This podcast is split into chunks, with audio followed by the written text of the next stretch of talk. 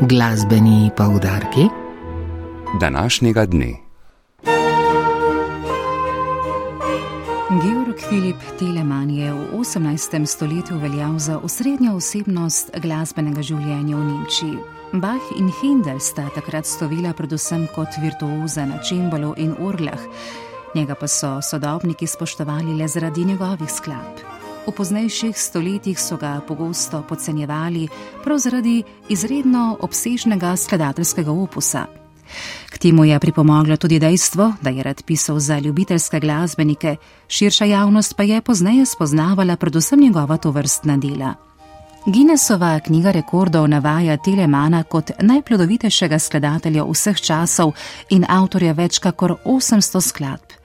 Novejše študije so pokazale, da je napisal vsaj 3000 del, a se jih je veliko izgubilo, predvsem med drugo svetovno vojno. S Telemanovimi deli bo prepleten celoten tretji koncert iz cikla Mozartine Simfoničnega orkestra RTV Slovenija. Kot solisti se bodo predstavili člani orkestra, flautistka Irina Kavčič, violončelist Gregor Fele, violinistka Kana Macuj, oboistka Kristina Montikoli, violistka Gea Panter Wolfant. Glasbenikom pa se bo na odru pridružil tudi čembalist Domen Marinčič. Koncert Začel se bo ob 11. lahko spremljate v neposrednem prenosu na programu Ars.